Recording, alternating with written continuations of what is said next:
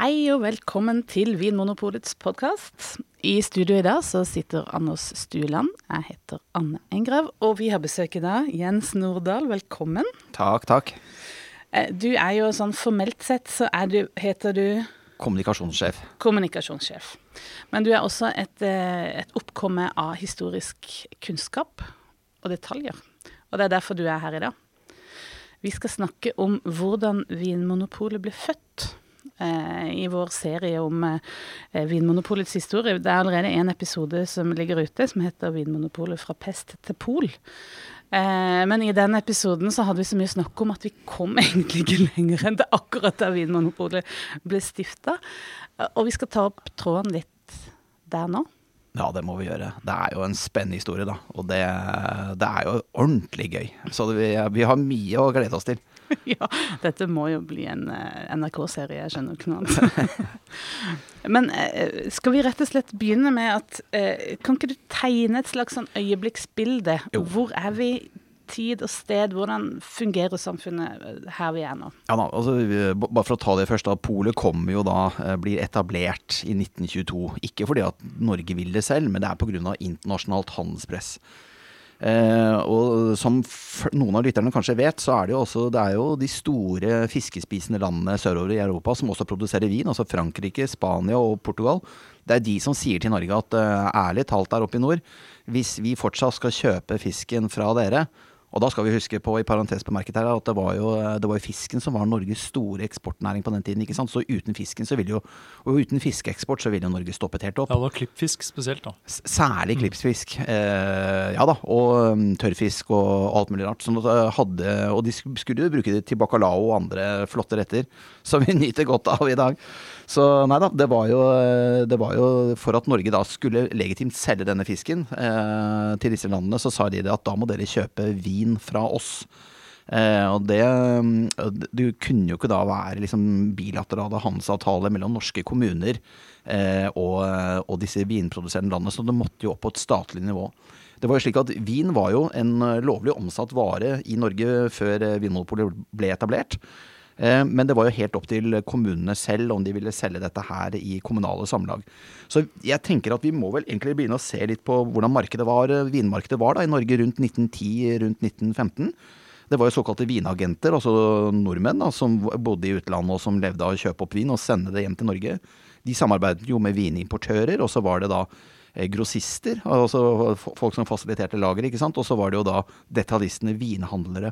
Og bare i Kristiania, som det jo het på den tiden, rundt altså 1920 ikke sant, og 1915, så var det etter hva vi kan eh, bla oss gjennom i eh, historieverket vårt, 360 små vinbutikker i Oslo, ikke sant. Det er helt vilt. Ja, det er, det er helt vilt. For hvor mange pol har vi i drift i dag, Anne?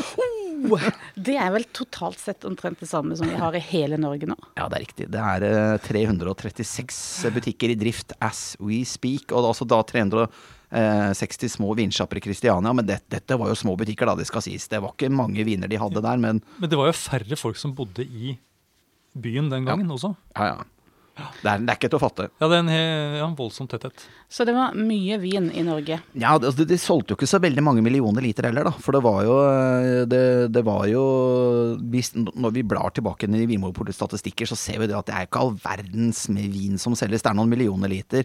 Eh, Morsomt nok så er det jo portvin, og det kan vi snakke mer om senere, men det er portvin liksom som er det store her. Og det er fordi at folk eh, likte ting som var litt spicy, altså, eller som var litt uh, oppsprita, for å si det litt eh, brutalt. De, dere, ville- dere som jobber så mye med vin, ville sikkert sagt det litt mer fornemt. Ja, og så er det jo søtt. Det er, det er søtt, søtt og sterkt, ikke sant. Eh, og, og, og sterkvin, da, for å ta, eller hetvin som det vel het i gamle dager. Og så Madeira, sherry, portvin, alt dette her. Vermut. Det ligger jo mellom 15 og 22, ikke sant. Svakvin, eh, rødvin, hvitvin med senere rosévin ligger jo under 15, ikke sant. 15 volumprosent, da. Eller alkoholprosent. Så um, det var i hvert fall veldig, veldig populært med, med portvin. Um, og det kan vi snakke mer om senere. Men uh, det, ja, det var jo et salg av vin i Norge, uh, orkestrert gjennom da disse vinhandlerne som samarbeidet med vinagenter og, og vinimportører. Eh, men det var, jo, det, var jo, det var jo egentlig bare i de store byene, så vidt vi, så vidt vi forstår. Det var Oslo, Bergen, Trondheim. Og så var det mm, i Drammen. Og, og utover det så var det også i salg i Drøbak. Men utover det så var jo Norge tørrlagt, fordi at da avholdskampen, som vi snakket om i forrige episode, avholdsbevegelsen hadde jo eh, tørrlagt eh, Norge kommune etter kommune som følge av de enorme sosiale problemene som var assosiert med alkoholkonsum da, landet rundt. Men allikevel, alle disse her vinhandlerne, hadde de organisert seg? Var de liksom var de helt sånn tilfeldige mennesker som opererte hver for seg, eller hvordan fungerte dette? Ja. I starten så var det jo tilfeldige mennesker som opererte for seg, for å si det sånn. Og det var jo familiebedrifter og den type ting. Men så etter hvert så skjønte man jo at det var jo en fordel i å begynne å samarbeide. Så de første samarbeidene som vi har greid å lese oss til, de kom jo sånn rundt 1910. Det er det mer man kaller kartellvirksomhet. altså Da var det ulike grupperinger av grossister og agenter og vinforhandlere som da fant ut at det var lurt å lage handelsavtaler med hverandre, altså norske aktører, ikke sant. Eh, som, da, som, da, rett og slett eh, ble enige om at vi kjøper vin av dere, og dere selger til oss. Og da har man jo sikret omsetning, da, ikke sant. Så det var da De kalte seg så mye som Vinhandlernes Landsforening. Eh, ble etablert rundt 1910 og var en litt sånn løs kartellignende prissamarbeidsprosjekt. Men Var det bare vin og portvin, eller var det brennevin også? Eh, det må jo ha vært brennevin også. Eh, og, var, og, igjen så var det jo dette her opp til kommunene selv å avgjøre om det var lov å selge brennevin eller ikke. Vi hadde jo en lang tradisjon for å produsere brennevin selv, ikke sant. Ikke minst til Oppland, Hedmark og alle disse akevittbygdene, for å si det sånn. Løten, ikke sant. Men eh, så det kunne man selge hvis det var uh, vedtatt lokalt. Men som sagt, altså, nesten hele Norge var tørrlagt, så det var jo bare de store byene da hvor man kunne, kunne, kunne kjøpe dette legalt. Uh, også i 1915 da, så da, så ble det et nytt initiativ i vinbransjen. Da var det nye grossister og vindetaljister og brennevinshandlere og, og, vinagenter som da gikk sammen i hva de kalte Norsk Vinhandlerforbund. Og det opererte mer ikke bare som et løst kartellsamarbeid, men det opererte mer som en interesseorganisasjon. De pratet med myndighetene, og de var veldig enige med myndighetene om at det var veldig riktig av myndighetene å institusjonalisere en minimumspris på vin. For det var jo et av de alkoholpolitiske tiltakene som eh, staten hadde iverksatt. Altså man eh, kunne ikke lage dette her eller gjøre dette så billig som det egentlig var. Man måtte jo, det var en minimumspris på vin for å dempe forbruket. Eh, og da sa jo denne, denne interesseorganisasjonen, altså Norsk Vinhandlerforbund, som jo er, og grunnen til at vi snakker så mye om det nå, det må bare lytterne ha klart for seg, det er, dette er en forløper for vin, Vinmonopolet, ikke sant. Eh, de sa seg jo veldig enig i myndighetenes prispolitikk, og hadde jo da allerede et godt samarbeid med myndighetene, og var godt likt av myndighetene, da. Da Norge i 1922 ble pålagt nærmest å etablere da et vinmonopol Uh, hilsen da Portugal, Spania og Frankrike. Det med minstepris var jo genialt tenker jeg, for disse vinagentene eller de som var da i bransjen. Fordi de fikk jo mer penger for mm. det de solgte. Så her var det noen eh, luringer eh, også. Da, som, hvem var disse her? Har vi navn å komme med? Har vi personer? Kjenner vi dem? Ja, vi kjenner dem. Og det er jo en, en, Alex Brodersen som vi skal bli bedre kjent med her. Han var jo en av disse sjefsskikkelsene i denne denne, denne, organisasjonen som het så mye som eh, Norsk Vinhandlerforbund. Eh, og han var en toneangivende person der. Og han, eh, han, ble jo da i 1922, da Vinmonopolet ble etablert, så var det jo et stillingskriterium for administrerende direktør at han skulle kjenne vinbransjen godt, og at det var viktig at det var en bransjemann. Så denne Alex Brodersen han ble jo det første, første Vinmonopolets altså administrerende direktør. Og han var nok en flink fyr også. Han var jo en fyr som var eh, i hvert fall risikovillig, for å si det sånn.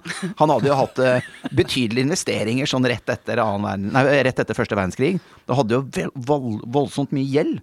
Og vi har vel lest til at han hadde jo liksom i hvert fall 50 000 kroner i gjeld. Og altså en, i, rundt 1920, og en vanlig industriarbeider tjente jo da 3500 hvis ikke jeg tar feil på den tiden, så det var jo 15 ganger noe, noe sånt da, altså en eh, vanlig gjennomsnittlig industriarbeiderlønn. Så han, hadde, han var jo gjeldstynget da han fikk denne han flotte stillingen. Han trengte en god jobb. Han trengte en god jobb, og det fikk han òg. Men han ble jo vurdert som en, en, ja, ja. en faglig dyktig person. Han hadde, det var mange som likte ham da i bransjen, tydeligvis.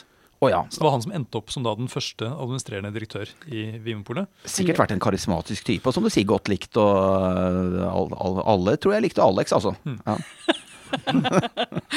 Men vi, vi, har jo liksom ikke kommet helt til selve opprettelsen av Vinmonopolet. Ja. ja øh, og da tenker du tilbake igjen til 22, da? eller? Ja, det må ja. ja. Uh, og, uh, og, det var jo da slik at altså uh, Det var jo en infrastruktur her, ikke sant. Det eksisterte jo da vinlagre, det eksisterte jo vinbutikker. Eh, og det eksisterte jo et personale som, eh, som jobbet i, i, en allerede institusjonalisert vinbransje. Og så er det jo rett og slett slik da at eh, Vinmonopolet opprettes jo som et statlig eh, aksjeselskap. Det, var ikke fullt statlig i start, eh, starten. Det var jo også en del private aktører som eide aksjer i Vinmonopolet. Særlig en del forretningsbanker som så på dette som en, på en, måte, en lønnsom og sikkert langsiktig og ganske stabil investering. For, for alkohol har jo alltid folk hatt lyst til å kjøpe. Sånn er det, og sånn er det fortsatt. Um, uh, det som da skjedde, var jo at uh, Vinmonopolet, uh, det nye, nyoppretta Vinmonopolet, kjøpte jo da opp altså vinbutikkene, vinagentene og vin, vinlagerne osv. Ja, sånn som i Oslo da, så, så, bestemte man da at nå er det slutt på enkelte butikker og privatpersoner som skal selge vin og brennevin.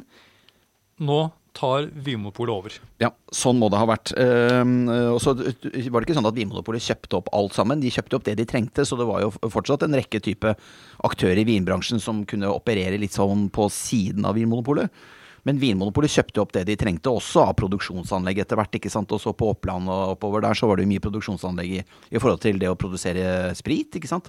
Både til teknisk bruk, men også akevitt og også til eh, også drikkbar sprit. Eh, og man kjøpte jo da opp det man trengte av anlegg eh, og infrastruktur, både til å drive butikk og til å drive lager og til å drive produksjon osv. Og, det var jo en voldsom ekspansjonsfase. I utgangspunktet så var jo Vinmonopolet ganske liten bedrift, men det var jo en viktig bedrift også for, eh, for norske, norske myndigheter. og det ble jo etter hvert, da, og kanskje særlig etter at brennevinsforbudet ble opphevet i 1927, så ble det jo snakk om fort etter hvert veldig mye penger, og det skal vi komme tilbake til senere. Men Vinmonopolet har jo gjennom nå snart 100 år vært en viktig melkeku da, for norske myndigheter. ikke sant? Bringer jo avgiftsmilliarder inn i kassa nå, og var jo allerede da, rundt 1930, var jo en garantist for uh, penger inn i en slunken statskasse, altså. Så nei, Vinmonopolet de, de starter i det små, for å si det sånn. Uh, overtar eh, overtar rett og slett infrastruktur og personell i det som var dagens vinbransje. Og vi, det er litt morsomt, da, for stort sett er det jo direktørene som blir, blir, sitert. Men vi har funnet et sitat her fra en, eh, fra en lagerarbeider som jobbet da på lageret i noe som het P.A. Larsen tilbake igjen i Kristiania i Oslo da i 1922. Og han, han sa det jo slik da at um, den ene dagen så var vi et privat firma, og dagen etterpå så jobbet vi i Vinmonopolet, eller i Monopolet. Arbeidet var det samme, de overordnede var det samme, og den formelle ansettelsen i det nye selskapet, altså Vinmonopolet, eh, ble ikke foretatt. Vi bare gled over. Sånn opplevde også en lagerarbeidere, lagerarbeidere eh, som da jobbet for P.A. Larsen, en vinimportfirma, eller vingrossist eller annet sånt i Oslo. ikke sant? Eh, han merket ikke engang at han plutselig jobbet fra starten fra, å gå fra det private markedet eller pri private ja, kall det det da, private jobbmarkedet til å plutselig jobbe for staten. Merka det ikke. Det ble bare skrevet over på papiret? Det ble bare skrevet over på papiret, men her er det jo noen som har tjent gode penger. da. Også Det er de som eier, de eierne av disse eierne av disse eh, Kall det eh, aktørene i den gamle vinbransjen. De har jo tjent gode penger. ikke sant? Staten har jo betalt ut penger der, og har da eh, fått eh, penger selvfølgelig også av forretningsbankene, ikke sant, som, som har kjøpt. Altså folk, her har jo også formuer blitt bygd da, ved at folk har solgt infrastruktur og osv. Ja, for den gangen så var det, kom jo mesteparten av vinen kom faktisk på fat ja. inn, inn, landet. Så satt da enkelte av disse privatpersonene da med store lagre av, av, fat med vin. Og da var det en av de, det ble til og med eh, sendt opp en kommisjon med fagfolk fra Frankrike, tror jeg, for å eh, verdivurdere da, ja. eh, noen av disse lagrene. Ja. Og Det viste seg seinere at eh, de, de franskmennene kjente jo de som eide varelagrene. Eide varelagrene sånn at eh, de ble sikret da en ekstra god pris da, som staten betalte. Staten ble lurt, ja. Det, nei, det er, eh, nei, og det er mye, mye, interessant psykologi og veldig mye man lærer, men også mye om menneskets natur, for å si det sånn, ved å lese Vinmonopolets historie. Det er klart at her var det jo noen som solgte noe til staten, og kanskje da for overpris, som du sier, da, eller det viser jo historien. Og så var det jo også en annen nisse på lasset, da, ikke sant? for det var jo slik at det, det, det var jo denne gamle vinbransjen de kjente hverandre godt. ikke sant? Alex Brodersen hadde jo da vært sjef for denne eh, Norsk Vinhandlerforbund. ikke sant? Og, og, de som, mange av de som var der, de ble jo med i det nye Vinmonopolet, men mange av de som var der, de ble jo, var jo fortsatt selvstendig næringsdrivende som Vinmonopolet kjøpte, eh, kjøpte produktene fra. ikke sant? Eh, sånn at det, det, var jo, det, var jo, Dette fortsatte videre utover 20-tallet. Vinmonopolet ga god pris for eh, produkter. Portvin, eh, bordeauxvin osv. til folk som de kjente eller var i familie med. Det var jo også sånn at styre, et styremedlem i Vinmonopolet han eide jo to eh, agenturer, da, eller sånne agentvirksomheter. Og det er klart at Vinmonopolet kjøpte jo selvfølgelig mye vin fra disse bedriftene som dette styremedlemmet eide. Så det var jo et herlig samrøre, og det ga jo et voldsomt oppspill her til noe som er er skjellsettende, og som er på en måte jo en, en hendelse som jo eh, altså definere videre kurs for Vinmonopolet. da. Ja, for Alex Brodersen, han eh, kan betale gjelda si. Er det det dere liksom hinter om her. Ja da, han, han, måtte jo, han, måtte jo, tjene penger, men det var jo eh, selvfølgelig som, som alle andre. Men, eh, men eh, han Altså, det var, jo, det var, jo, andre aktører i bransjen som følte at de blir skjøvet ut. ikke sant, Skjøvet ut i kulden. For de fikk jo ikke da markedsadgang gjennom Vinmonopolet, jo som tross alt da på en måte fasiliterte vinsalget i de store byene. ikke sant, og det var en sånn det var jo noe som het privatimport. da. Man kunne jo privat, altså man kunne orkestrere privatimport eh, ved siden av Vinmonopolet. Og det foregikk sånn at uh, man kunne ikke da privat, uh, privatimportere produkter som Vinmonopolet hadde i sortimentet sitt, men man kunne privatimportere produkter som da uh, ikke var i Vinmonopolets sortiment. Og så kunne man da selge det til privatpersoner. Og, det, og dette, det, var, det, var, jo så krevende at dette var ikke noe privatpersoner gjorde på den tiden, men det var jo agenter, vinagenter, som fasiliterte dette privatimportregimet. Eh, og det tappet jo da litt sånn markedsandeler fra, fra Vinmonopolet. Det var nesten opp i 20% en eh, periode. Det var det. Og da, morsomt nok, da, for at altså, eh, dette er en forløper for Vinmonopolets brede sortiment. Altså, I dag har jo Vinmonopolet over 27 000 produkter i, eh, i hyllene eller i, i, eh, systemet. Og det er jo ingen andre aktører i verden som har så mange produkter som vi har i sortimentet sitt i dag. Men altså, Og det med et bredt sortiment det har jo fulgt oss da helt siden midten av 20-tallet, snart i 100 år. Og da var jo det en strategisk manøver for å på en måte bli kvitt denne utfordringen med privatimport ved siden av. For jo flere produkter som Vinmonopolet hadde i sortimentet sitt, jo færre produkter ble det jo da mulig å privatimportere ved, ved, siden av. Eh, i, i, hvert fall da, så var det to brødre som dere kanskje har hørt snakk om, eh, Dystebrødrene. De var jo ganske unge på slutten av 20-tallet, bare 25-28. Eh, de gikk jo da til sak mot Vinmonopolet i 1928, tror jeg det var. Ja, og de, de var vin, ja. vinagenter? De var vinagenter. Ja. De importerte vin, og de ville jo da på en måte ha lettere tilgang til eh, til, til markedet. Og så savnet de også De, de så det at mange andre vinagenter som kjente da eh, folk inne i Vinmonopolsystemet, de, de fikk store bestillinger av Vinmonopolet. Ja. Uh, mens de aldri fikk disse store bestillingene. De var the new kids on the block? Ja, det var klart det irriterte dem. Det irriterte dem, og det var jo disse, denne gamle vinbransjen med familiebedrifter som kjente hverandre, som, eh, som solgte, solgte, store partier til god pris til hverandre. ikke sant? Og de, de kom jo ikke inn på markedet, eh, som dere sier her. Så Dystebrødrene gikk jo til sak mot, mot Vinmonopolet altså ved å sende en en anklage, da, eller altså anmeldelse til Sosialdepartementet, mener jeg. Jeg tror det var i 1928. Og så ble jo dette først en rettssak i 19, 1930. Eh, Vinmonopolet tok jo litt sånn lett på dette her i starten. Eh, det var jo eh, bransjeaktører, altså direktørene var jo folk med betydelig innsikt i bransjen. At de sikkert var vant til å tjene mye penger, håndtere mye penger. Sikkert risikoville, sånn som han Brodersen, ikke sant. Men de var eh, de, de, eh, Jeg tror nok de må ha blåst litt av det. I hvert fall så har de stilt så dårlig forberedt til rettssaken at dyste, Dystebrødrene var jo de som fikk medhold. Og de var jo også litt sånn folkehelter, for dette var jo også litt sånn miniputtenes opprør mot den store staten, ikke sant. David mot Goliat. Så her var det jo Det var jo et element av Espen Askeladd i dette her også, ikke sant. Som jo appellerer så grundig øh, til, til, oss nordmenn, ikke sant. Det ligger jo i den norske folkesjela.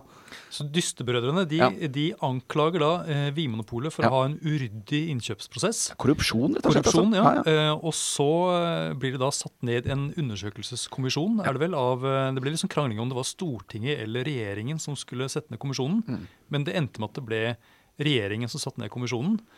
Eh, og så ble det liksom spekulasjoner om da eh, Mowinckel, som var eh, statsminister, som da hadde en svoger som var inne i vinagentbransjen. At han da hadde interesser av å faktisk kontrollere hvem denne kommisjonen var. da. Men kommisjonen da satte i gang et arbeid, og de kom med uttalelser i to omganger. Og den første gangen så var det jo en sånn, en, en sånn knusende dom av hvordan Vinmonopolet eh, ikke hadde ryddige innkjøpsrutiner. At de, de forfordelte eh, kjentfolk og, og, og gamle altså Enten familie eller, ja, eller, eller venner. Ja, det, det, det, var jo uryddig. Ja, og, og, det har jo vært korrupsjon, ikke sant. Og det har jo definitivt vært samrøre. Og det har vært veldig sånn forretningsmessig etisk problematisk. Og det er klart at når et styremedlem eier to importbedrifter, og, og Vinmonopolet kjøper en masse av de to, så er det et samrøre som ikke går an å, å mm. forsvare, og som ikke tåler dagens lys. Og det, disse dystebødrene hadde jo De satte jo fingeren borti noe som var eh, noe som var betent, ikke sant. Og de fikk jo rydda opp, da. Eh, og, og, det første som skjedde, var jo et betydelig hva man kaller et mannefall. Altså det massevis av disse profilerte poldirektørene, som jo tjente da ti ganger så mye som en industriarbeider, de måtte jo ta hatten sin og gå. De forsvant jo ut av eh, polets system. Eh, de ble jo erstattet av andre folk. da. Også, du nevnte jo Brodersen.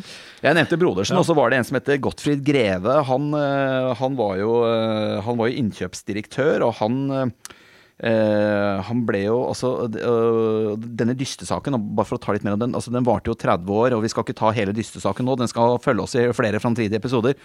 Men det vi i hvert fall vet, da, var jo at um, dysterbødrene de gikk jo inn i Nasjonal Samling etter hvert, uh, på, på, slutten av 30-tallet. Eh, og når krigen var over da, under Landsvik-oppgjøret, så ble jo, eh, så ble jo Dystebrødrene anmeldt for Landsvik av Gottfred Greve, som da var mm. tidligere innkjøpsdirektør ikke sant, i Vinmonopolet, og som hadde mistet jobben sin i 1930 som følge av, av dystesaken. Så Takk det lå jo mye hat og ulmet her da, i 10-15 mm. år, ikke sant. Ja. Denne Brodersen, da, ja. eh, som da ble ansatt som den første direktøren i, eh, i Vinmonopolet, ja. eh, han fikk jo en god lønn ja. eh, i den stillingen. Ja. Og så viser det seg at eh, styreformannen i Vinmonopolet, eh, som da heter Hans Halvorsen, det viser seg at han har lånt penger til Brodersen før dette her. Så Brodersen skylder Halvorsen 40 000 kroner. Ja. Så, så, styreformannen eh, har jo selvfølgelig en interesse av at Brodersen tjener såpass at han kan betale tilbake gjelden.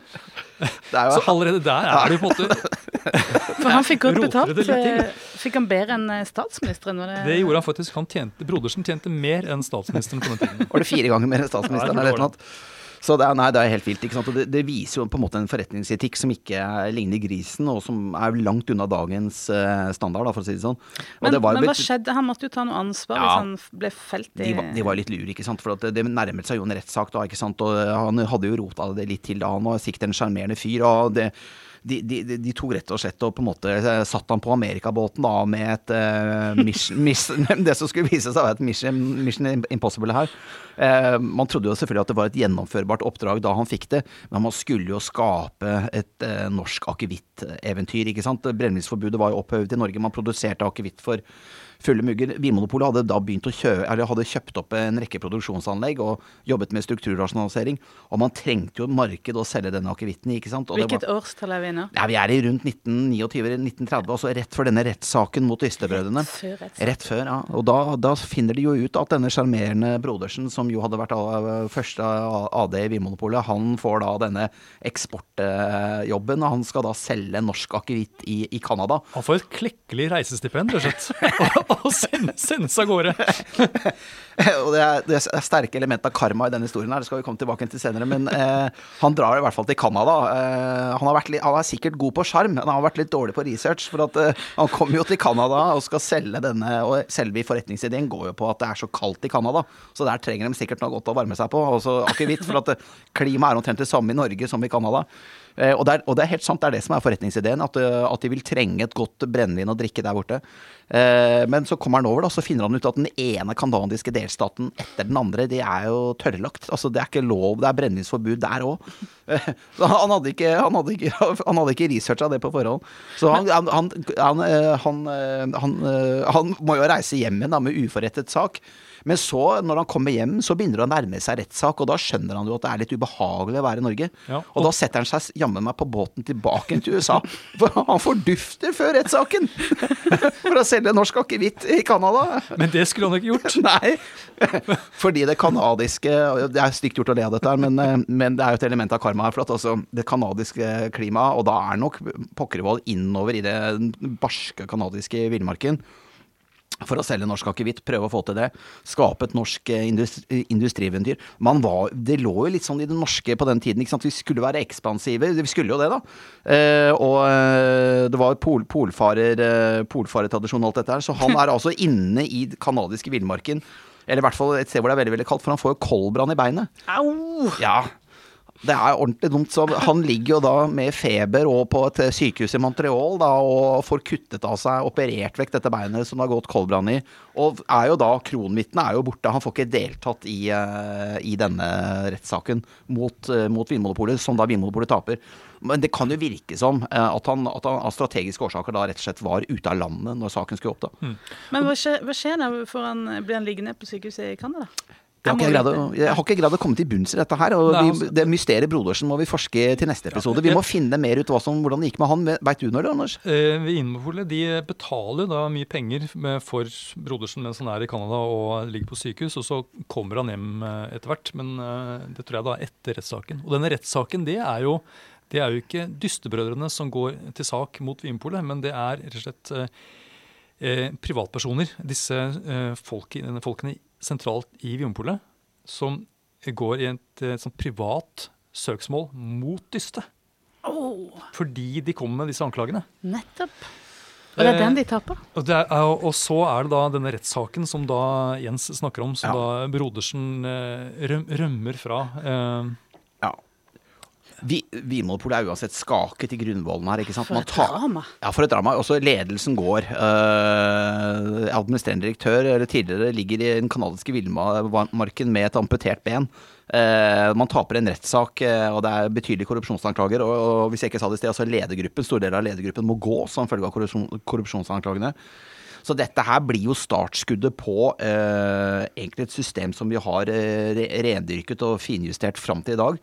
Nemlig det at Vinmonopolet altså Man måtte jo legge om innkjøpspolitikken radikalt. Det måtte, den måtte ha troverdighet, det måtte ha legitimitet. Eh, den måtte være rettferdig, sånn at man unngikk denne type rettssaker og denne type anklager. Det måtte være orden, det måtte være transparent, det måtte være gjennomsiktig. Så man institusjonaliserte, og da, rundt 1930, som følge av denne korrupsjonssaken, så institusjonaliserte man da en ny innkjøpspolitikk som da gikk på at pris og kvalitet skulle være avgjørende. Og det var jo da eh, altså pris på varene og kvaliteten på den. Eh, og det var blindsmaking som prinsipp ble jo eh, ble, starta man med da, rundt 1930. 1932, for at, ja, ja. ja, ikke sant. Mm. For at uh, innkjøpene og de varene man fikk inn i systemene, at det skulle være varer som um, var legitime, og som man da ikke kunne stille kritikkverdige spørsmål ved. da.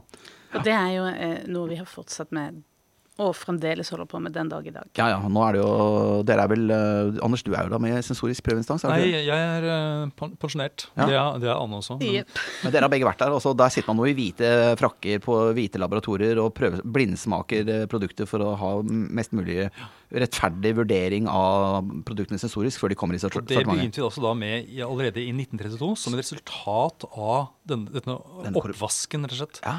Eh, og da skulle man kjøpe inn basert på kvalitet ja. og ikke relasjoner. Ja. ja.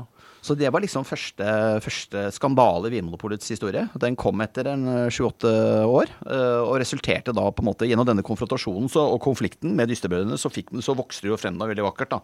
Nemlig et, et rettferdig og transparent system som, eh, som, som man kunne forsvare på en god måte for, for, å unngå rettssaker og for å unngå på en måte trøbbel og, og, og ja, uh, uheldige anklager, rett og slett. Mm. Ja, Så det ble en forbedring? rett og slett? Det ble en forbedring som følge av konflikt og konfrontasjon. Og det er interessant, dette brakte jo dette, Selv om det sikkert var ganske ille for de som sto på der. og Sikkert det må ha vært tøft for Brodersen som måtte dra, dra fra landet og alt dette her, sånn, så, så, så, brakte det jo verden videre. Og, jo, vi fikk et ganske vanntett og robust system som står seg veldig godt en dag i dag. En ny vinmonopollov kom da i 1932, og da bestemte man også at uh, aksjonærene ikke skulle få eh, styre på samme måte som de gjorde før. Ja. Eh, så selv om det fantes da private aksjonærer i Vinmonopolet, så hadde ikke de kunne ikke være med å bestemme i bedriften lenger. Nei. Og etter hvert så kjøpte jo staten alle disse aksjene også, sånn ja. det blir et helstatlig Ikke sant? Eh, aksjeselskap. Og det var jo hele veien, selv om det var private bedrifter, altså investeringsbanker som eide disse aksjene, deler av dem i Vinmonopolet, så var det jo slik at det var jo staten som, som styrte og kontrollerte bedriften. Eh, og ganske tidlig så tok jo man en prinsippvurdering om at utbyttet på aksjen skulle være veldig lavt. For dette her med at eh, private aktører skal i minst mulig grad tjene på salg av alkohol i Norge, har vært et sånt bærende prinsipp helt siden 1800-tallet. ikke sant? Og det var jo også denne, disse samlagene, altså disse kommunale samlagene som da eksisterte side om side med Vinmonopolet, og som hadde da eksistert fra 1800-tallet. ikke sant? kommunale samlag er rett og slett bare butikker eid av kommunene hvor de da solgte det de ville selge av alkohol på, på hjemmebane. Men hvor alt overskudd fra samlagsdriften gikk jo til allmennyttige formål. Det var jo en seier som avholdsbevegelsen hadde, hadde greid å kjempe gjennom på 1800-tallet. Ved denne Sven Arrestad, som vi snakket om uh, forrige gang fra, i Pestipol-episoden. Uh, og det var selve kongstanken for, for, for samlagsmodellen, da, som da varte side om side med, med, med Vinmonopolet helt fram til 1938 eller 1939, noe sånt noe. 38, ja. ja. I hvert fall så var det dette, denne, utbytte, denne utbyttebegrensningen var jo på en måte et grep som myndighetene tok, sammen med Vinmonopolet selvfølgelig, da, på 30-tallet, som understreker at, eh, at Vinmonopolet skulle ha en sosial eh, spille en sosial rolle. Og det var også slik at etter denne dystesaken så var det jo Vinmonopolet var jo da litt på leit etter en egen identitet. Hvem i all verden skal vi være, og hvilke hensyn skal vi, øh, skal vi på en måte levere på? Hvilken rolle skal vi spille i det norske samfunn? Så den ene eh, effekten som denne dystesaken saken resulterte i, var jo da, som vi snakket om i sted, at innkjøpspolitikken ble, eh, ble gjennomgått. At man fikk et veldig godt system som står, der, står, seg den dag i dag. Den andre dimensjonen som man faste ganske kjapt inn, det var jo dette her med at eh, Eller det var egentlig to dimensjoner til. Det, det ene var jo at man skulle eh, være et selskap som hadde en oppdragerfunksjon i forhold til kontinental vinkultur. Altså det skulle være et bredt utvalg og kvalitetsvare fremfor bulk og blockbusters og liksom billig, billig, dårlig vin, for å si det sånn. Men det andre gikk jo på at man også skulle spille en rolle i forhold til å begrense konsumet. Og allerede så tidlig som på, på 30-tallet eh, så vokser det fram et behov for å liksom ta en klar rolle i forhold til det å begrense alkoholkonsum. Um, og det var ikke bare i Norge hvor, hvor, det var en del av greia. Det var jo også i Sverige. Så hadde man et såkalt motboksystem. Har dere hørt om det før? Nei. Jeg har, jo, jeg har jo lest om det ja. um, i forkant av denne episoden her. Ja. Ja.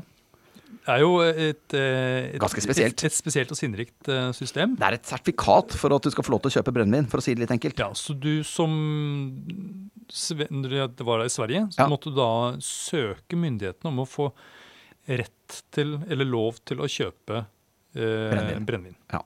Og hvis du var en dårlig forsørger, hvis du var kjent for å, å bedrive fyll og fanteri liksom, ute i det offentlige rom, hvis du hadde blitt arrestert for ordensforstyrrelser, så var du da ikke kvalifisert til å få et motbuksystem.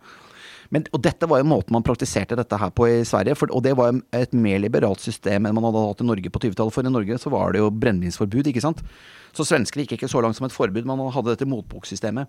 Men Vinmonopolet på 30-tallet, når man da skjønte at ok, her, her, må vi på en måte Vi må lete etter bedriftens sjel, vi må ha en mission. Eh, så skjønte de jo det at eh, her kommer det, som følge av at brennevinsforbudet er opphevet, Eh, det, eh, og det var et voldsomt trøkk fra avholdsorganisasjonen etter hvert også. Og avholdsorganisasjonen har jo alltid samarbeidet veldig godt med arbeiderbevegelsen. Det har alltid vært en veldig tett link der, som vi snakket om i forrige episode.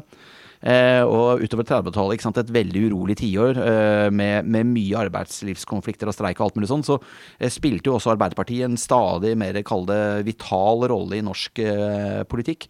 Så Vinmopols ledelse, de skjønte nok det at liksom avholdsbevegelsens krav om en eller annen form for aksjon, da, den ble bare sterkere og sterkere. så man tenkte jo med skrekk og gru på i Vinmonopolet at det å innføre, institusjonal, institusjonalisere et sånt motboksystem ville koste veldig mye tid og penger og krefter. ikke sant? Og det orket man ikke.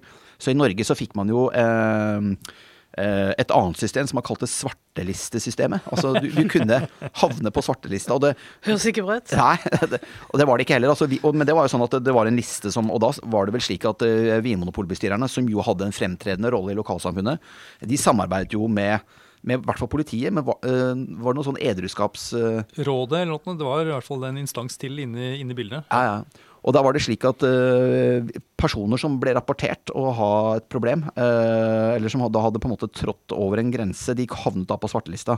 Så i Sverige så måtte du da få et sertifikat for å få lov til å kjøpe brennevin. I Norge var det sånn at du havnet på en liste hvis du hadde gjort noe gærent. Så det var på en måte et mer sånt reaktivt system i Norge da. Men i hvert fall dette svartelistesystemet ble praktisert lenge. Og det var jo eh, noe man også nok syntes var litt smart sånn innad Vinmonopolet. For man, da greide man å please myndighetene da, på, på 30-tallet ved, liksom, ved, å gjøre dette til en del av Vinmonopolets drift. ikke sant? Og dette Kall det sosial kontroll ved salg, eller kall det ansvarlig salg. Ansvarlig salg er jo noe eh, som står ekstremt sterkt i Vinmonopolet den dag i dag. ikke sant? Så det er eh, dette blir vi jo minnet om hvert eneste år i det såkalte oppdragsbrevet som vi får fra Helse- og omsorgsdepartementet den dag i dag. Og der står det jo altså Det er jo alder, langing, rus, da, for å ta de tre, ta, ta de tre stikkordene der sånn. Altså, vi må jo sjekke alder på, på, alle kunder som ser under 25 år. Det er, det, det er, den garantien vi gir selv. Så skal vi stoppe ethvert for, forsøk eh, på, på, langing. Og så skal vi selvfølgelig ikke selge til synlig berusede personer. Så dette er jo et prinsipp som har ligget da nedfelt i norsk alkoholpolitikk og i Vinmonopolets DNA da, helt siden 30-tallet. Og igjen en effekt av eh, denne dystesaken, hvor selskapet i, eh, rystet og sjokkert som han var etter at eh, halve ledelsen måtte gå, Eh, da måtte lete seg eh, fram til en ny identitet. For vi skal huske på det, Vinmonopolet var jo først og fremst et handelspolitisk instrument eh, i starten. Det var jo, ikke, det, det var jo press fra disse ytre altså fra, fra vinlandene, ikke sant, som gjorde at vi fikk et vinmonopol. Det var jo for å hensynta Klippfisk. Vi kunne også nevnt Norsk Hydro og Kunstgjødsel. Altså det jo, sånn så var liksom Vinmonopolet var jo mye mer Altså det, var jo, det var jo hensyn altså Det var jo utenrikspolitiske hensyn, næringspolitiske hensyn, handelspolitiske hensyn. Mye mer enn en, uh, helsepolitiske hensyn eller sosialpolitiske hensyn som lå til grunn for Vinmonopolets virksomhet i starten. Så i starten så var man først og fremst et handelspolitisk redskap, og så vokste da eh, Vinmonopolets samfunnsoppdrag frem da, eh, på 2030-tallet som følge av eh, ja, mer kalde dreininger i samfunnet, men også som følge av enkelthendelser, som da denne korrupsjonssaken. Ja, Så den gangen så var det da Folk kom inn da i en vinmonopolbutikk hvor det var selvfølgelig en, en stor disk. Ja. Eh, man kunne ikke gå rundt og, og pelle på, på, produktene selv. Man, man, gikk bort til disken, eh, og der sto det da en, en mann ja. i en eller annen sånn lang frakk, ja. tror jeg det var. Ja. Og denne mannen han hadde da kanskje fått tilsendt eh, en, en, oppdatert liste, en oppdatert svarteliste, med personer som da ikke eh, skulle få kjøpt. Ja.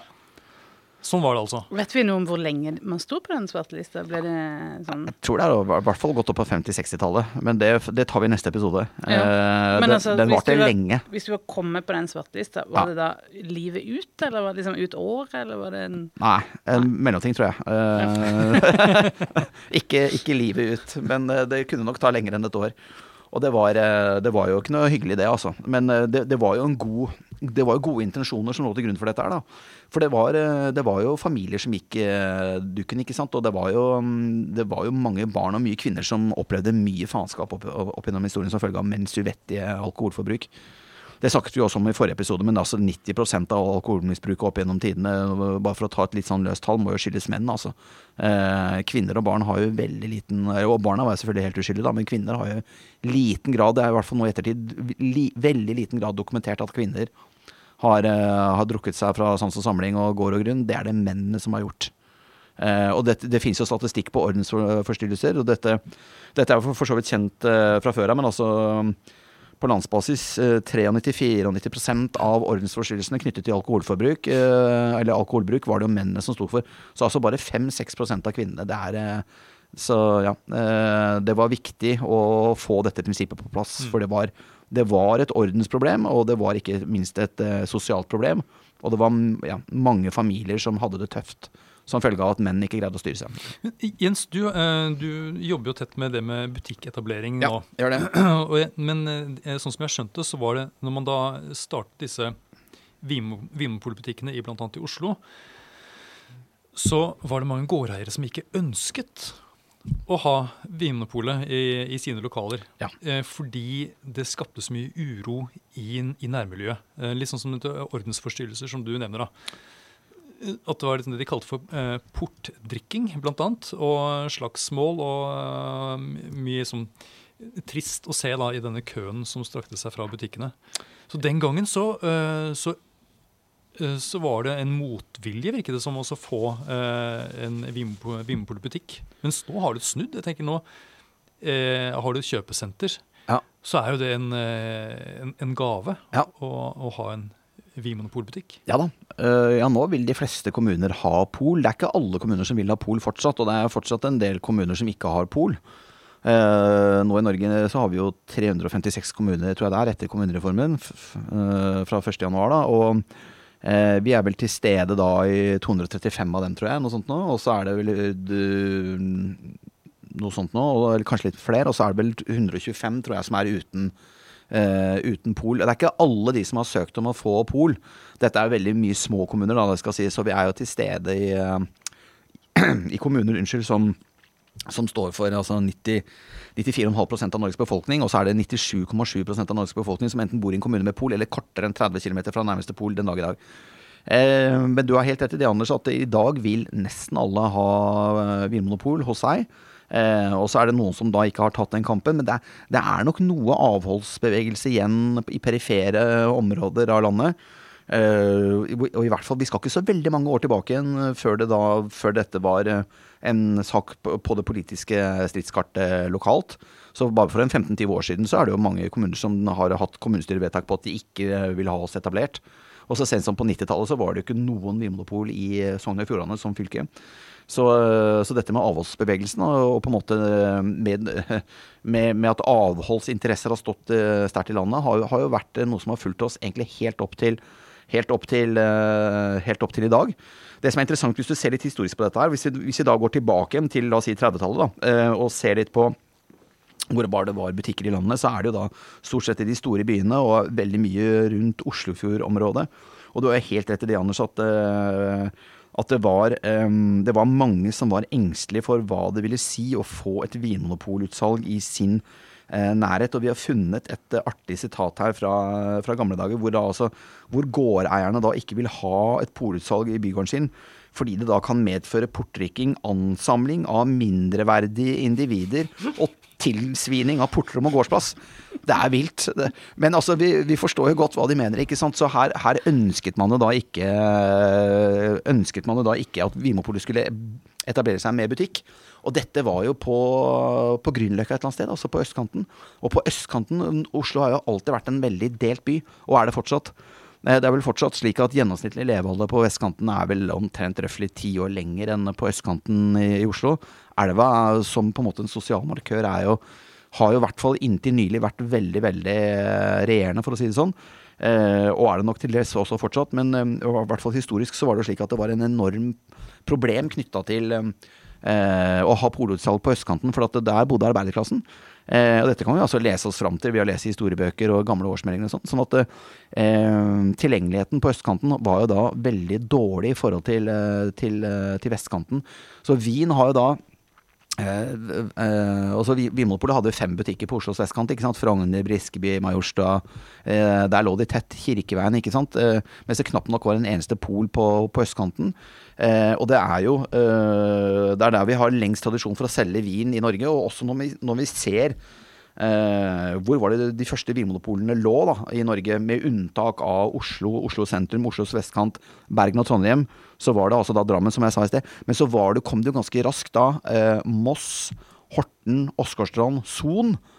Eh, altså indre Oslofjordområdet. Og det, morsomt nok, hvis vi ser på vintrender den dag i dag, så ser vi jo det at det er jo i dette, dette området her i landet hvor altså hvor vin eh, ikke var kontroversielt for 100 år siden, der hvor Vinmonopolet hadde butikker for 100 år siden. Det er jo her vintrendene den dag i dag oppstår, før de da sprer seg rundt i landet, ikke sant, som ringer, ringer i vann. Og det kunne vært en tema for en annen episode en, en senere gang, men altså, det er kjempeinteressant å se at det er jo i disse områdene av landet hvor, eh, hvor uh, vinkulturen har, kall det, hatt uh, har lengst røtter. Eh, at det er der eh, også trendene i dag oppstår først. ikke sant? F.eks. rosévin, eh, musserende hvitvin, ikke sant? som jo er, er, trender som er veldig målbare på Oslos vestkant og indre Oslofjordområdet. Og så sprer de seg gjennom landet da, i, årene som kommer. Men politisk, da? Ja. Hvordan var eh, fordelte eh, støtten til Vinpolet seg eh, blant de politiske partiene? Ja, Både høyresiden og venstresiden var nok litt eh, skeptiske til, til, oss, for å si det sånn. Altså høyresiden aller mest. Eh, og det er også noe man finner igjen i, i, i dagens eh, partipolitiske landskap. hvis vi da tar Høyre først på, på 30-tallet. Høyre så jo på Vinmonopolet som en form for sånn sniksosialisme. Eh, vi skal huske det, vi er jo tilbake igjen liksom eh, Vi er jo tilbake igjen eh, Altså Mellomkrigstiden var jo veldig urolig, ikke sant. Og det var jo eh, Du hadde jo Arbeiderbevegelsen var jo delt i to. ikke sant, En mer moderat eh, revisjonistisk gren og en mer sånn revolusjonær gren. Eh, og man så man, For mye statlig virksomhet ville jo da høyresiden i det partipolitiske landskap se på på en måte som forsøk på eh, ja, radikal sosialisme, liksom, som i verste fall kunne, kunne resultere i kommunisme på, på, en eller annen måte.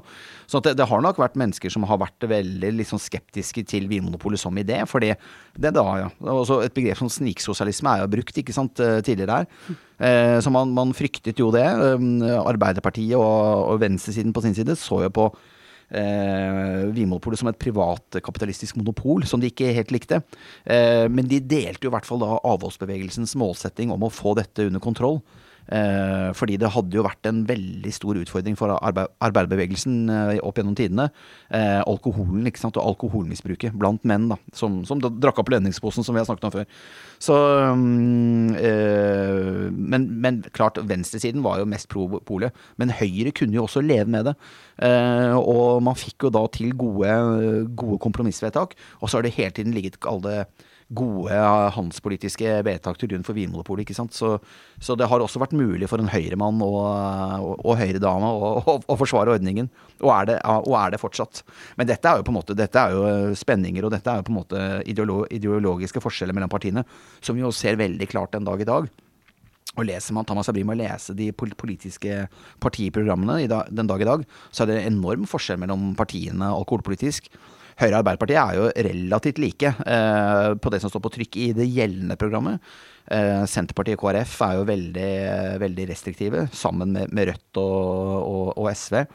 Eh, leser man eh, derimot eh, det nye partiprogrammet til, til, Høyre, som ennå ikke er vedtatt, og det, og det gjenstår å se om det blir vedtatt, men der er det jo mange, mange liberale forslag som Eh, som på en måte kan gjøre noe med Vinmonopolets posisjon i framtiden. Eh, men det gjenstår å se da hva som blir vedtatt, så vi skal ikke gønne på for hardt der akkurat nå. Men jeg syns også det er litt interessant dette med at den eh, avholdsbevegelsen som naturlig nok var skeptisk til Vinmonopolet i eh, sin spede begynnelse, nå har det kanskje blitt motsatt. At nå har Vinmonopolet nesten blitt et instrument for eh, mer restriktive Altså, det representerer noe som avholdsbevegelsen eh, kan stå inne for? Ja, på sett og vis, men de er jo kritiske, ikke sant. Og på, på 30-tallet, da, hvis vi bare hopper litt eh, dit en liten periode nå. For at altså, eh, i 1933 så står dette nye anlegget til Vinmonopolet eh, klart ute på, på Hasle. Eh, det var en investering der på 6 millioner kroner for å bygge dette, dette anlegget.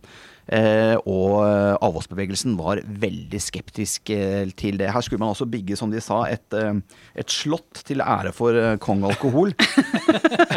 det likte, likte, de selvfølgelig ikke. det likte de ikke.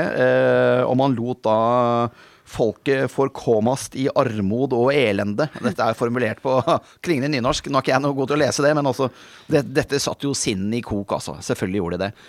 Eh, det, det skal sies at, eh, at eh, på 30-tallet så var det jo Eh, så, så, var det og Dette kan vi ta litt senere, men altså på, på 30-tallet så var det jo stor grad av massearbeidsledighet og alt mulig sånn, så det var viktig å ha et svært byggverk å konsentrere seg om. Men avholdsbevegelsen Unnskyld, avholdsbevegelsen har jo, har jo, hatt en ambivalens til Vinmonopolet, men har jo selvfølgelig støttet ideen om oss. Og, eh, men har jo hele tiden vært interessert i å holde Vinmonopolet i, i ørene. Eh, sånn at ikke dette på en måte slapp seg for, for fritt. Altså. Og igjen, Vinmonopolet, det er, det er, og den dag i dag handler det også om det. Balansegang ikke sant? mellom handelspolitiske, næringspolitiske, helsemessige, sosiale spørsmål. Eh, det er en balansegang, og det er mye politikk og mye butikk i, i denne bedriften. her, for å si Det sånn. Det er det som gjør det så spennende. da. Så, eh, så avholdsbevegelsen eh, har nok alltid vært et viktig korrektiv for oss, ja, definitivt. Men eh, er ikke, er ikke har ikke vært sånn de, har ikke vært uforutsette Altså, de, de, har ikke jublet uhemmet til Vimopols gunst hele veien. Det har de ikke. Nei. Nei. Men altså, vi er på 30-tallet. Ja. Fortell hvordan For dette endrer seg jo, altså selve samfunnet endrer seg, og med det også uh, Hva slags påvirkning får det for oss? Det er jo, det er jo et uh, tiår preget av konflikt, kan man si. Altså hvis, uh, hvis 20-tallet var en sånn slags uh, konsolideringsfase, og så får vi da liksom det neste tiåret, da, altså 40-tallet blir jo krig, krig så er jo så er kanskje 30-tallet sånn konfliktenes tiår, for å si det sånn. Eh, satt litt på spissen, da. Eh, men altså, det er en urolig tid i norsk økonomi. Eh, det er ustabil økonomi. Eh, politikken på 20-tallet hadde jo gitt prisnedgang og, og gjeldskrise. Så får du børskrakket i 1929, ikke sant. Mange formuer fordufter. Eh, folk er desperate. Helt opp i Vinmonopolets ledergruppe er jo folk desperate etter å dekke gjelden sin, ikke sant. Mm. Eh, og det blir jo en voldsom kamp om reallønne. Altså det var deflasjon. altså Ting ble jo billigere. Eh, på den tiden. Eh, men eh, lønningene måtte jo da gå veldig mye ned, så det var jo en kamp om å, opprettholde altså kjøpekraften til arbeiderne. Og dette var jo egentlig før man hadde, før fagforeningene var noe sånn særlig varme i skjorta. De hadde, første fagforeningene i Vinmonopolet hadde vel blitt stiftet i 25-26, så de var fortsatt ganske små. De hadde ikke vært ute i noen streiker, men det, det ble jo et veldig behov for det. For det var jo voldsomme dette var jo før man hadde hovedavtaler og sånn i arbeids arbeidslivet. ikke sant?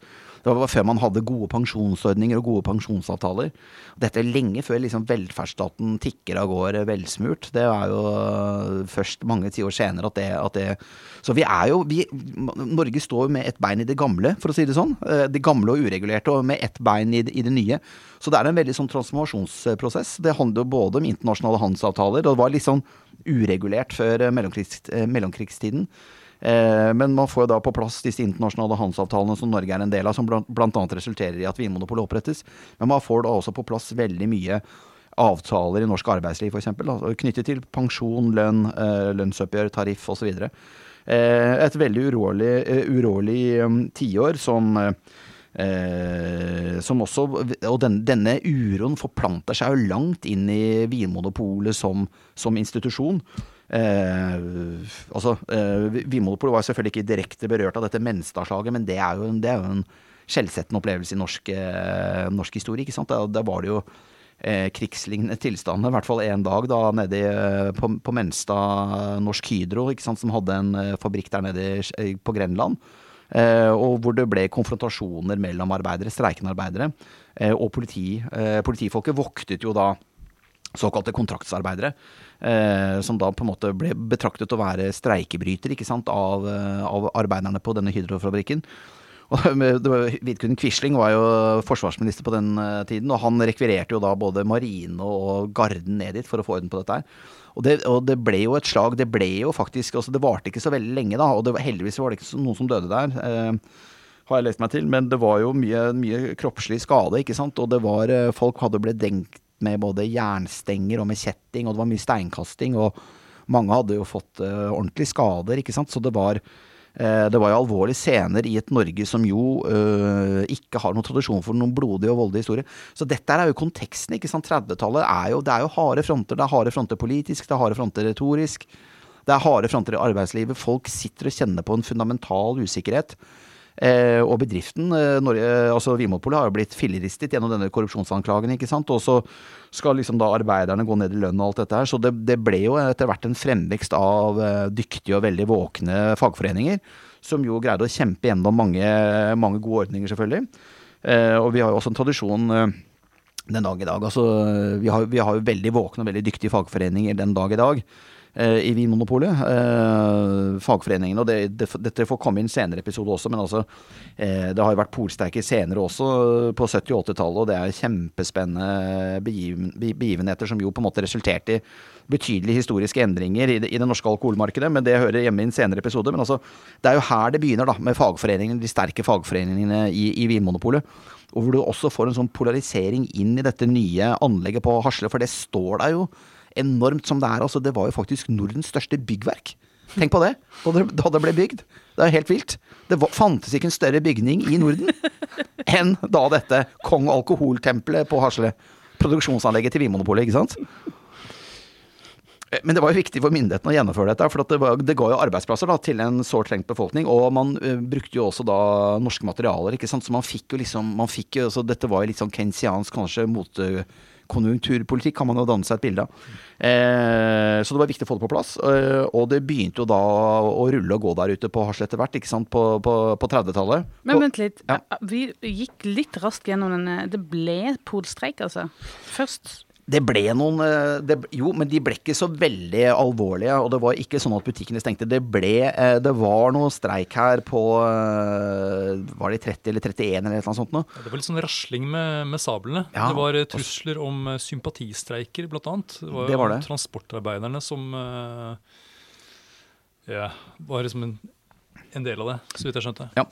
Og så var det Det var også slik at det var en streik uh, på Vinmonopolets uh, Enten da på en måte altså, uh, Vinmonopolet hadde mange bryggesjauer, ikke sant. For det var jo lagre, sånn som du beskrev i sted her, med, med, fat. Altså båter som kom inn med vinfat, og så sto de jo lagret på, på kaia. Det var, en, det, var, det var noen streik som varte i to uker, knytta til et sånt kaianlegg, eller altså no, noe av logistikkfunksjonen. Men butikkene ble ikke stengt. Og denne streiken ble jo eh, løst. Eller den ble jo stoppet etter to uker. Eh, det var et voldsomt trøkk fra myndighetene på eh, å få løst denne, denne, streiken. Og det var jo også noe som Vinmonopolets arbeidere på en måte kjente jo på kroppen på den tiden. for at altså, det, vi sa det i sted, altså Vinmonopolet var ekstremt viktig for statsfinansene. Altså Det ga jo betydelige inntekter til statskassa. Eh, holdt Vinmonopolet stengt en uke, så ville staten tape 1 million kroner. Det var my veldig mye penger den gangen. Sånn at en sånn streik som varte i eh, to uker, den ville jo koste staten to millioner kroner. Så man kom jo fort tilbake igjen på jobb, eller da, det ble en løsning på denne konflikten her, fordi det har vært mye penger og makt med med i spillet. Eh, men denne, denne, denne, streiken ble jo da omtalt som den urimeligste og mest upopulære av alle streiker eh, i norsk presse. For det som, at man da skulle stenge butikkene som solgte alkohol, det var noe som ikke folk hadde noe sans for i det hele tatt. Så butikken butikkene holdt åpent. De ble litt tomme for varer, men uh, man unngikk den store streiken. Men dette var jo på en måte begynnelsen på for Vimopols del Et, et tiår som sto litt sånn i konfliktens uh, tegn. Selv om jeg har en følelse av at, at man landa egentlig ganske godt på beina. Man fikk til gode, godt samarbeid internt i bedriften. Uh, og så var det vel liksom det som var den store konflikten Eller det var nok flere sånne konfliktdimensjoner i Vinmonopolet på den tiden. For det ene var jo da at uh, lå jo på Hasle, men kontoristene, altså regnskapsførerne, liksom alt mulig sånn, de ville jo ikke være der. De satt jo nede i Skippergata i, uh, Oslo sentrum, ikke sant. Så da hadde jo en fysisk avstand da, internt i bedriften voldsomt, ikke sant. hvor det da var white color og blue color ikke sant? Eh, på, på hvert sitt sted. Eh, og dette er, jo, dette er jo på en måte en avstand i bedriften som vi har hørt veldig mye om. Jeg har jobbet her nå drøyt 20 år, da. Men den, denne avstanden som lå i det gamle Vinmonopolet eh, på Hasle. etter, etter, hvert så var det sånn at eh, kontoristene, altså Eh, ja, eh, rett og slett, Vi får kalle det kontoristene. De flyttet etter hvert opp til Hasle. Men det var jo enorm eh, eh forskjell innad bedriften på et tidligere tidspunkt her. Um, ikke, ikke, i vår tid, men altså så, dette er da før delingen i 1996. Dette kan, kan vi komme tilbake til i senere episoder. Mm. Men det, det, må jo ha vært altså Det har selvfølgelig vært et voldsomt spenn her da mellom, mellom kroppsarbeiderne og de som satt på kontor. Og så var det jo også etter hvert så ble det jo Det var jo disse vingutta, da, for å si det sånn. Altså, det var jo vinbransjens aktører som jo hadde gått tungt inn og blitt den første ledelsen til Vinmonopolet. De eh, kjørte jo sånt kontinentalt spor. De tenkte jo på vin som kultur. For dem var jo vin et nytelsesprodukt. Altså det skulle smake godt. Det var ikke et spørsmål om teknikk og produksjon eh, og kjemi, men det var jo det andre beinet som etter hvert liksom vokste fram eh, på Hasle. For at vi, eh, Vinmonopolet hadde kjøpt opp alle disse produksjonsanleggene eh, når det gjaldt eh, altså de destilleriene. Eh, og ville jo samle alt på Hasle. Eh, og da, da, var det jo ikke da disse litt mer sånn romantiske vinkjennerne som kunne drive den businessen, det var jo mer ingeniører, ikke sant. Så du fikk jo da liksom ingeniører versus eh, vin, vinkjennere, og det ble jo Da ble jo bedriften stående på to bein, da. Et veldig sånn tungt faglig matematisk miljø eh, rasjonelt, ikke sånn teknisk fokusert. Eh, som var opptatt av hvordan maskinene skulle fungere og kjemien i det hele. Mens du da hadde den andre siden, det var mer sånn belevende verdensmenn som reiste rundt i verden og eh, røyka sigar, ikke sant, og var, var levemenn, da. Kan, det er iallfall det bildet man kan danne seg i etterkant. Så, så, det har nok vært en sånn slags, eh, ja jeg vil ikke kalle det en konfliktdimensjon, men det har vært ulike kulturer da, i, i bedriften. Uh, en dynamikk der. Alt har jo ligget til rette for en dynamikk som, som har vært spennende. Wow.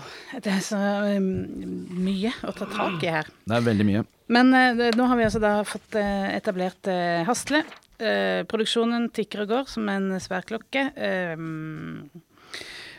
hva med den mer sånn internasjonale biten, den som kom i gang da på med handelsavtalene og dette. Hvordan ja. forandrer dette seg? Det, forandrer det seg på 30-tallet? Fortsetter det med Ja, det gjør det, vet du.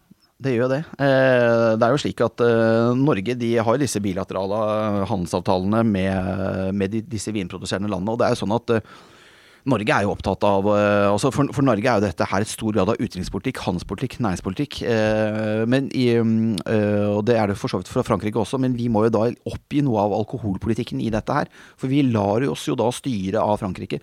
Frankrike setter jo som et vilkår under brennevinsforbudet at, at Norge må importere 400 000 liter konjakk i året.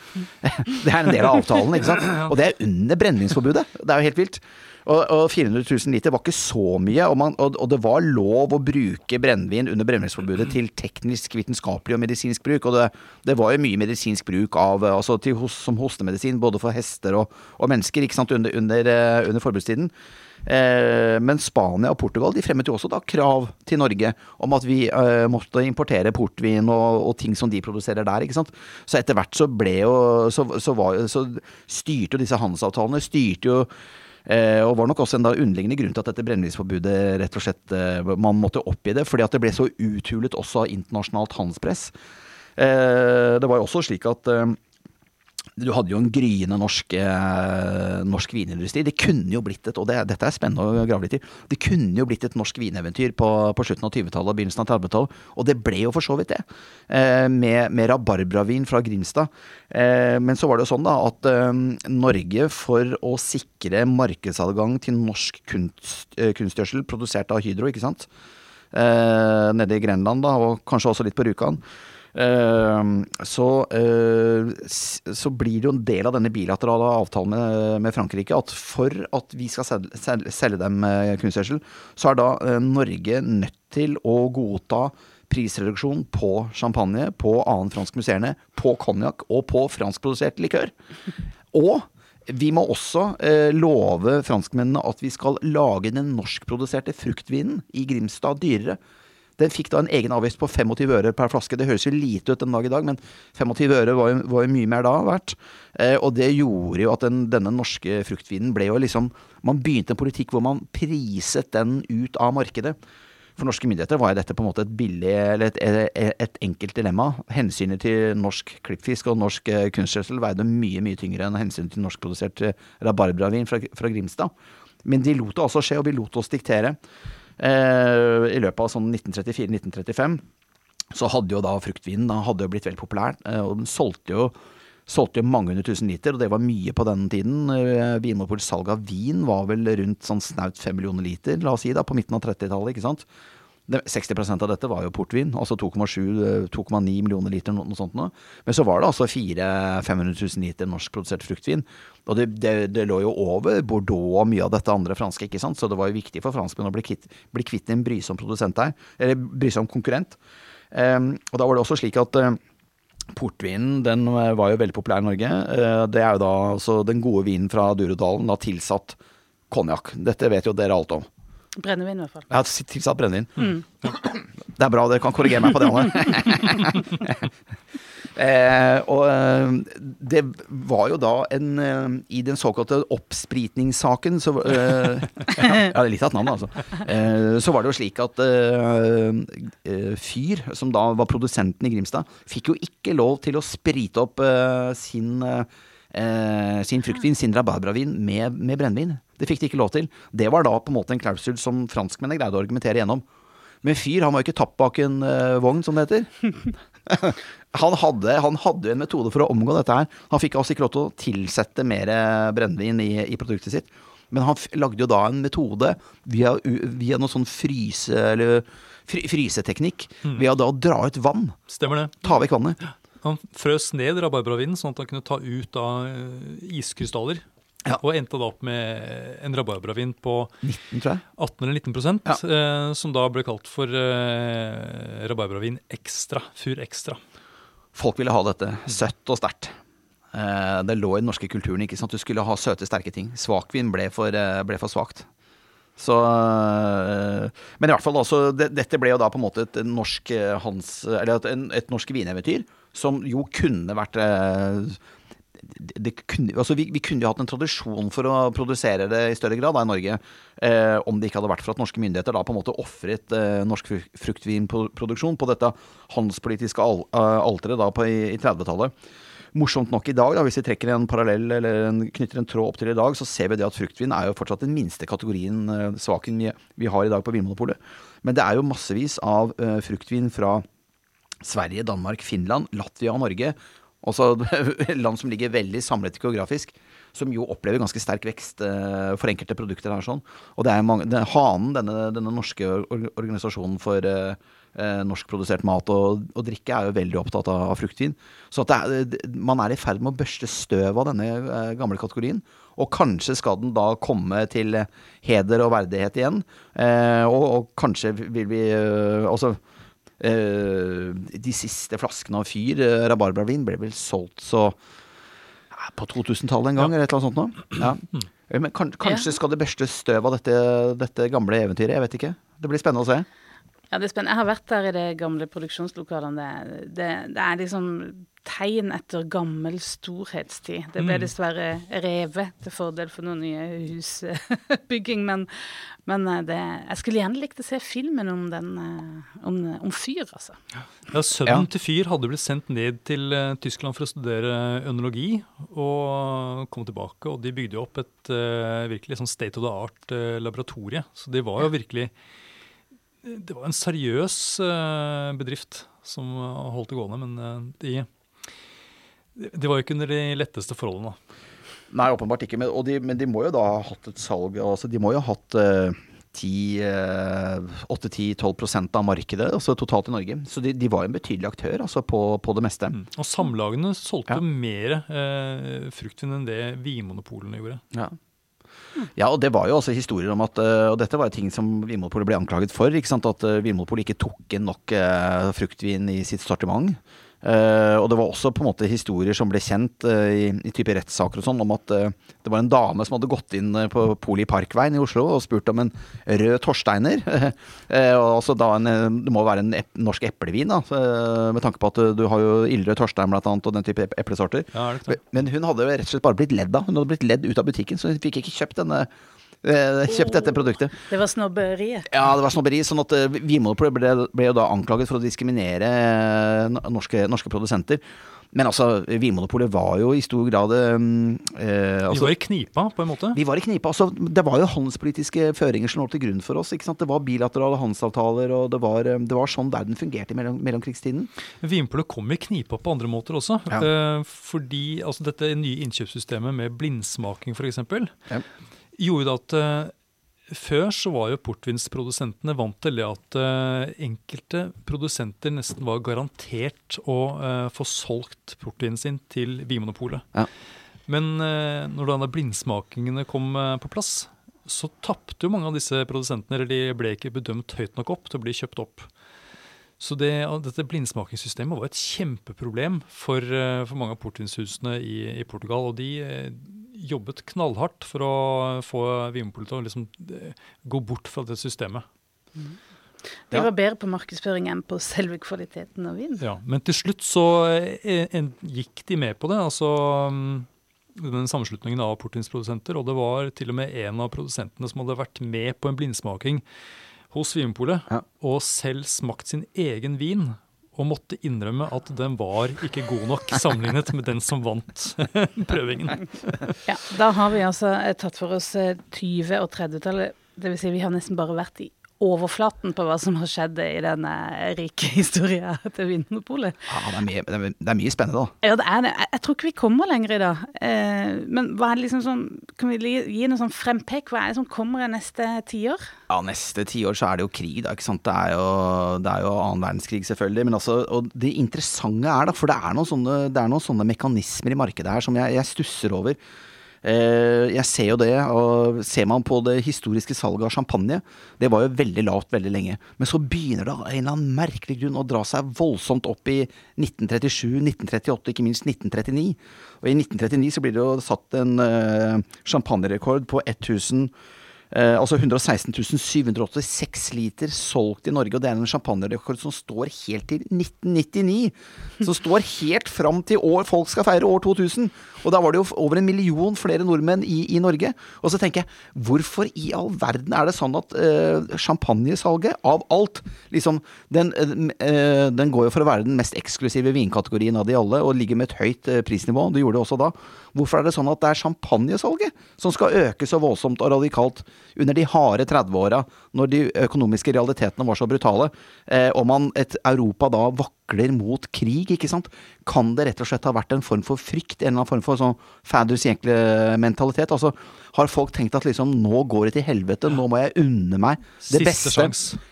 Siste sjanse for å unne seg noe godt nå før alt bare rakner og det går til helvete. Kan det ha vært noe sånt noe?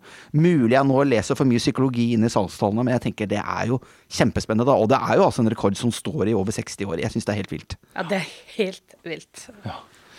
Så da tar vi for oss Neste gang? Krigen og krig? tiden, tiden, etter. Fra konflikt på 30-tallet til krig på 40-tallet. Det får være overskriften. Mm. Takk for at du hører på Vinmonopolets podkast.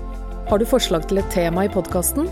Send mail til podkast at vinmonopolet.no. I tillegg svarer kundesenteret deg på e-post, chat og telefon.